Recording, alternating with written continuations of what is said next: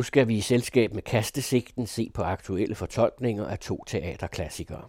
Det er William Shakespeares Richard den 3., der går på Husets Teater på Vesterbro, og Adam Øens Læres Aladdin eller Den forunderlige lampe, der netop har haft premiere på det kongelige. Var Shakespeare god? De fleste vil være enige om, at det var han.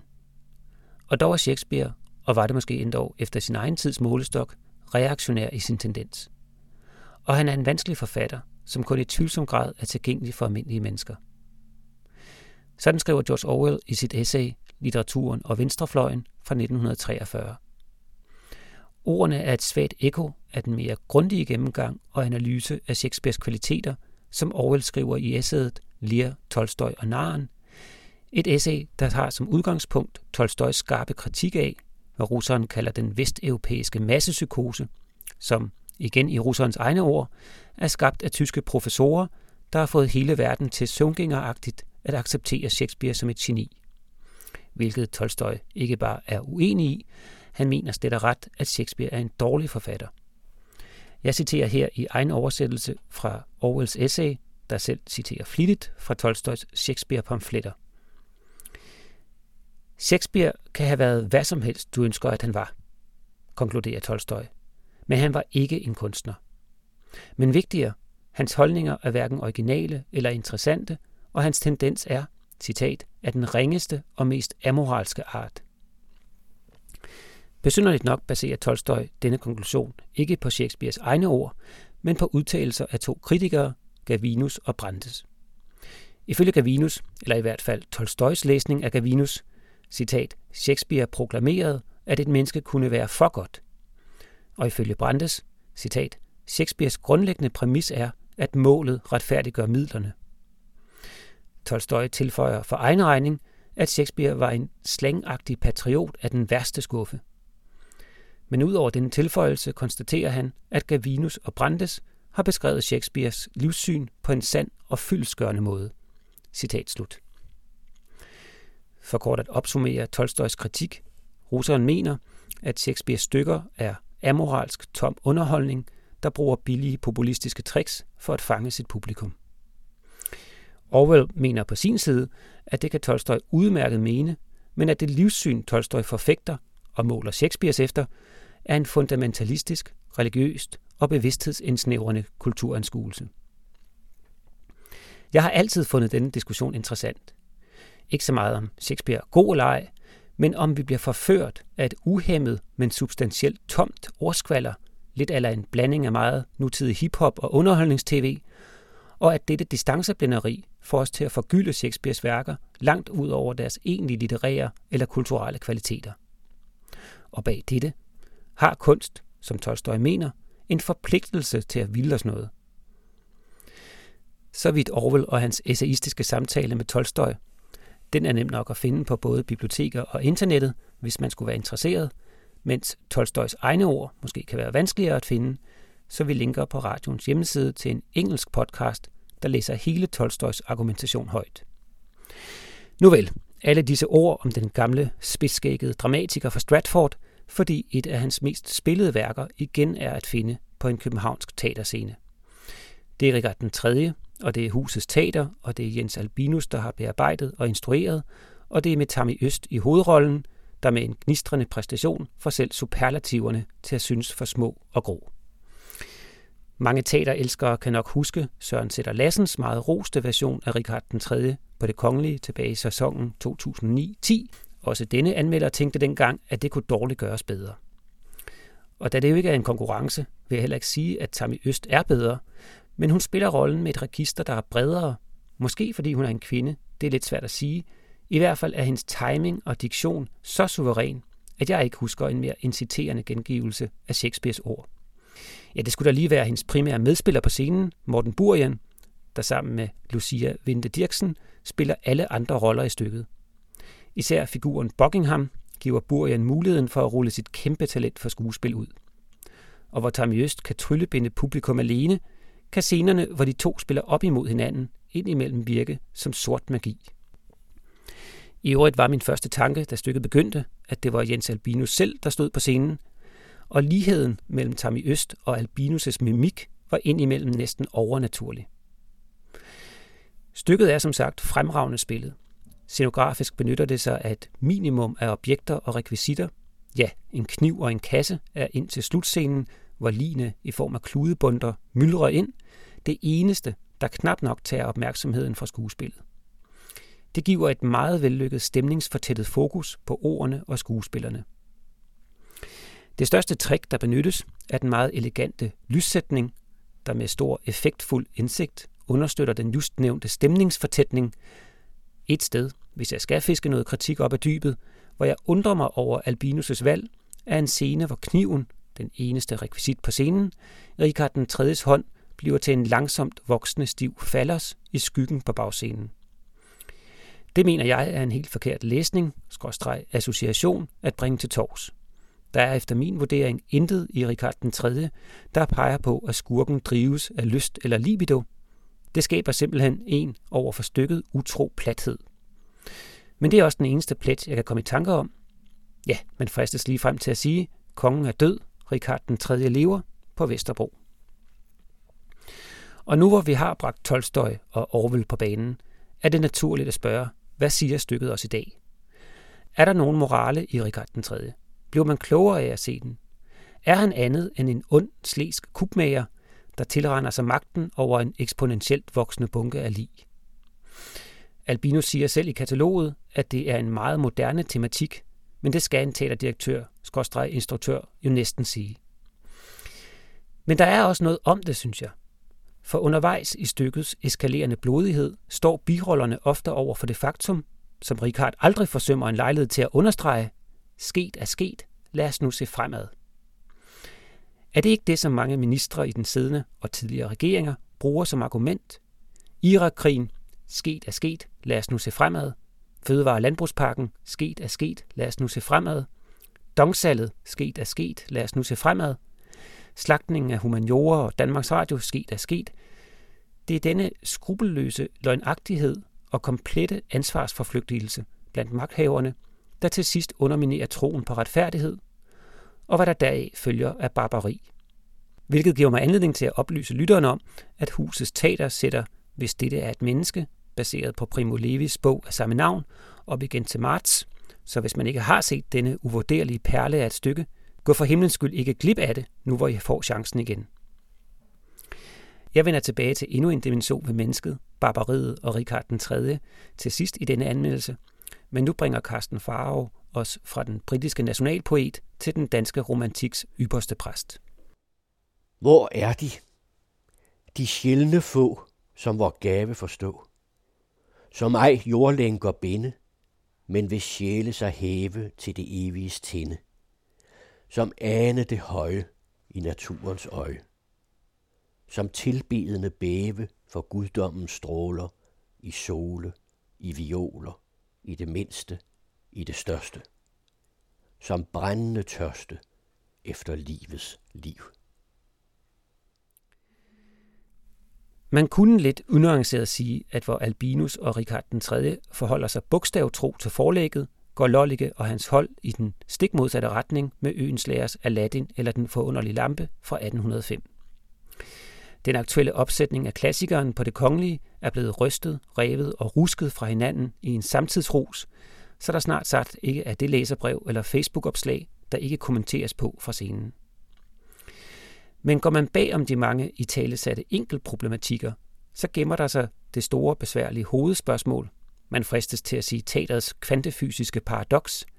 Hvordan repræsenterer man andre, og især andre, der af den ene eller anden grund forhindres i at repræsentere sig selv? Altså hvem bestemmer over, hvordan vi taler om det, vi taler om? Eller sagt i forskersjargon, hvordan vinde retten til diskursen om diskursen? Et spørgsmål, der fylder meget i universitetsverdenen, og som Lollike nu giver teatergevanter. Aladdins egen tilblivelseshistorie er et fortrinligt billede på repræsentationsdilemmaet. Øens lærer blev, som mange i sin samtid, inspireret af Østens mystik, Goethes divan og særligt 1001 nats eventyr. De udkom i de fleste europæiske lande simultant med, at romantikken bredte sig, men 1001 nat og disse eventyrs forhold til den arabiske kultur minder meget om den historie, vi fortalte om her på den anden radio for et års tid siden, Det var historien om den kuriøse måde, hvorpå samernes såkaldte etniske kulturidentitet, som var gået tabt for samerne selv, men opbevaret i en amerikansk antropologs notesbog, der så blev kilden til samernes egen nutidige historie og traditionsforståelse med al den forvrængning, det gav. På samme måde er 1001 Nat en fransk litterær gengivelse af nogle senmiddelalderlige manuskripter, ukendt for de fleste i den arabiske verden, og som først i 1835 blev tilbage oversat fra den franske version til arabisk, med al den forregning det gav. Den europæiske version af den arabiske eventyrtradition overtog via kolonitidens videnskabelige hierarki arabernes selvforståelse af deres egen tradition. Den korte version af dette stykke litterære kolonihistorie er fint gengivet i kataloget til Aladdin og er nøglen til meget af det, der foregår på scenen i det kongelige. Det handler altså, i Lolkes egne ord, om retten til at fortælle, eller som den store furore omkring hans stykke Black Madonna i sidste sæson gjorde klart, det handler om repræsentation.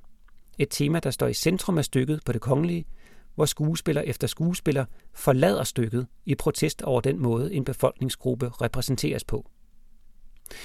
Dermed bliver fortælleren i stykket central.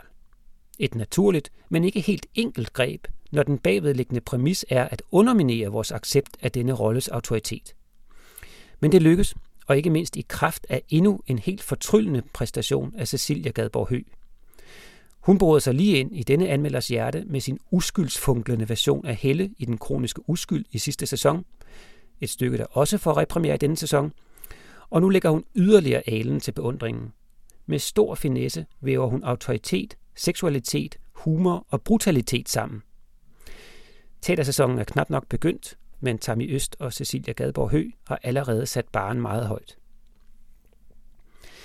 Det meste af repræsentationen naturligt nok, når vi befinder os i Mellemøsten, handler om muslimer og kvindesyn, men der er også en scene, hvor øens lærers jødesyn kommer under ukærlig behandling. Det er formodentligt lytteren bevidst, at der herskede et mere end latent jødehad i begyndelsen af 1800-årenes Europa. Det kan man blandt andet forvisse sig om hos H.C. Andersen, hvis beskrivelser af jødeforfølgelser i datidens København burde være pligtlæsning. I stykket problematiseres det på følgende måde – er øens lærers jødekarikatur en del af en samtidsdiskurs, der mere eller mindre bevidst bidrager til den sindstemning, der gjorde holocaust mulig 150 år senere? Eller er det bare den mere eller mindre uskyldige måde, man tænkte og talte om jøder på? Disse synspunkter fægter på scenen, som man må formode de fægter i Lollike og hans hold af medforfatteres sind. Analogien er klar. Den måde de, vores forfædre, talte om jøder på, ligner på uhyggelig vis den måde, vi taler om muslimer på i dag. Og hvad kan det så ikke føre til, eller har allerede ført til? Der er meget at tænke over i Aladdin eller Den forunderlige lampe. Det er et af den slags stykker, man har lyst til at se en gang til, for at mærke og lytte efter, om fortællingens mod sig selv rettede spørgsmålstegn lykkes med at nå frem. Den tanke, der måske til stykkets ugunst satte sig lidt på tværs i mit sind, var om de mange brud i forestillingen hvor skuespillerne diskuterer stykkets repræsentationer, skulle eller kunne forstås som en kritik af den måde, vi som samfund diskuterer disse problematikker på. Effekten af den måde, diskussionerne var inkorporeret i stykket på, var, for undertegnet, at en hel masse positioner og personlige erfaringer lynhurtigt blev trukket op og lige så hurtigt forladt igen. Ingen flyttede sig, ingen lyttede rigtig efter, flere meldte sig ud af samtalen i selvretfærdig harme, patosfyldte personlige historier trak fokus, mens diskussionen forblev på et overfladisk og uoplyst niveau. Præcis sådan som vores offentlige stofskifte med mange af disse temaer foregår. Godt hjulpet på vej af sociale medier, selvoptagethed og populistiske politikere, bliver alvorlige ting imellem os til en endeløs fast forward bevægelse væk fra et samlende fagntag. Hegel lærer i sin grav, som Foucault angiveligt skulle have sagt engang. Set i det lys er der måske mere lighed mellem Richard den 3. og Aladdin, end man skulle tro. Men jeg er ærligt talt i tvivl, om Lolliger har dette niveau med.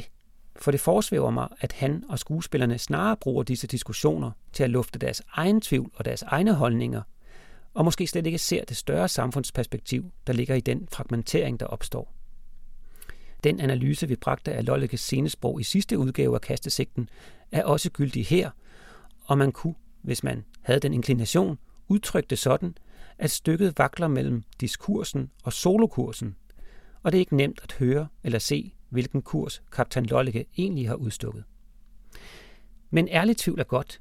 Det giver stof til eftertanke, og kaptajn-metaforen er måske misvisende, for der er som sådan ikke ét hoved, den kasket sidder på. Det synes åbenlyst som publikum, at de mange diskussioner, der afbryder forestillingens fremadskriden, ikke er opfundet eller udrudet i Lollekes hjerne, men er en repræsentation af virkelige diskussioner mellem de medvirkende under prøverne til forestillingen. Men endnu mere fascinerende finder jeg den baggrundsgruppe, som Lollike har sparet med.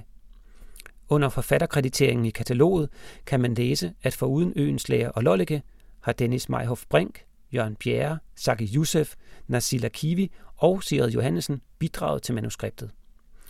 Og dette kollektiv synes jeg godt, man kan fornemme i forestillingen. Dette hold af stemmer i instruktørens hoved, og dermed i instruktionen, bidrager til følelsen af at være inde i et fabelunivers, hvor tingene, synlige som usynlige, taler. Figuren med et kollektivt jeg, der kanaliseres ind i stykkets ånd, så dets indre liv bliver større end summen af delene, finder jeg utrolig interessant, og er noget, vi forhåbentlig kommer til at se mere til. Man kan ikke forlade Aladdin uden også at nævne scenografien. Den er nemlig ikke bare usædvanligt vellykket i sit æstetiske og narrativ understøttende udtryk. Den er lejlighedsvis i stand til at redde mindre stærke scener, dels i kraft af sin visuelle billedkraft, men især fordi den lykkes med at være et kontrapunkt til stykkets mange forvirrende lag og stemmer. Hvis publikum kan være i tvivl om den talende af øens lærer, lollike, skuespillerne, minoriteterne, manuskriptholdet, eller dem alle sammen i munden på hinanden, så synes scenografien med majestatisk tyngde at minde os om, at vi er i et eventyr. Vi er i en fabel, hvor ånder bor i lamper, og fattige skrædder sønder får sultanens datter. Og det er ikke kun scenografen Franziska Sale, men også lyd, lys og kostymer, der skaber dette rum. Og det giver mig anledning til at tænke højt, at Albinus og Lollike og alle os andre må være taknemmelige for den helt utrolige rigdom af talentmasse, der findes, og ikke mindst scenekunstskolernes evne til at kultivere den. Det er en fryd, at så mange ting afprøves og lykkes på teaterscenerne i disse år.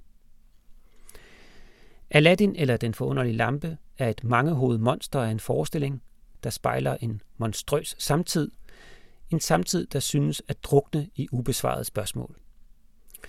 Og med fare for at overintellektualisere anmeldelsen, giver dette mig association til endnu et fælles træk ved de to forestillinger, og noget ved deres historieforståelse, jeg synes står uafklaret. Jeg tillader mig også det spørgsmål i lyset af, at de to instruktører ikke bare selv fremstår som tænksomme og fordrende kunstnere, citerer Gramsci og Edward Said i katalogerne, men også fordi de begge benytter sig af et hold af tænkere, der konfronterer forestillingerne med refleksion.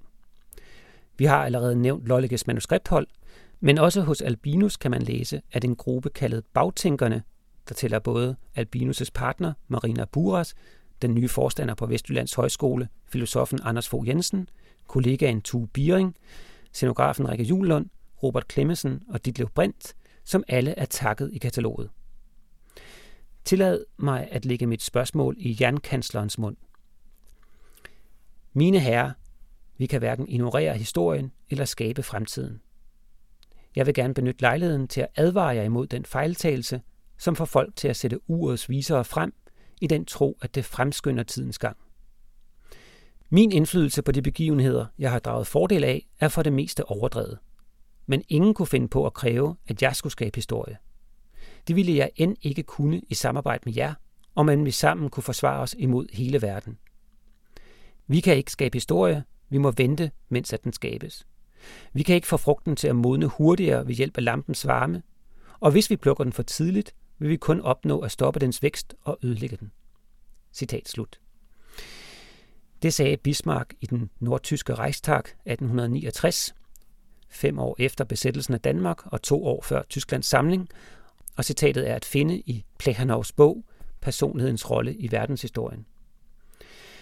Det Bismarck her siger, er, at ingen historiske fænomener kommer ud af intet eller af en mands galskab. Historien skabes over længere afstande og i dybere lag. Kun bevidstheden om dette faktum giver den enkelte mulighed for at se fænomenerne modnes og eventuelt forhindre fremtidige modninger. Jeg mener at kunne skimte dette perspektiv i begge forestillinger. både Aladdin og Richard den 3. er personificeringer af individuel ambition og overmod, men netop plantet i en tid og en tidsånd, der udstiller dem som produkter af noget socialt. De er, set fra dette citats historieforståelse, hverken ondskabsfulde eller monstre, men individuelle skæbner i en struktur, der om at så at sige fortæller dem. Og er det ikke værd at takle dette spørgsmåls perspektiver og betydning for vores egen tid og handlekraft lidt mere direkte? Richard den 3. går til 13. oktober, og Aladdin kan eller skal ses inden den 3. november. God fornøjelse. I hørte den anden radios teaterkritiker Rasmus Blede Larsen, og det var Carsten Farve, der læste epilogen for Øens Lægers Guldhornene. Følg links på vores hjemmeside, hvis I vil vide mere.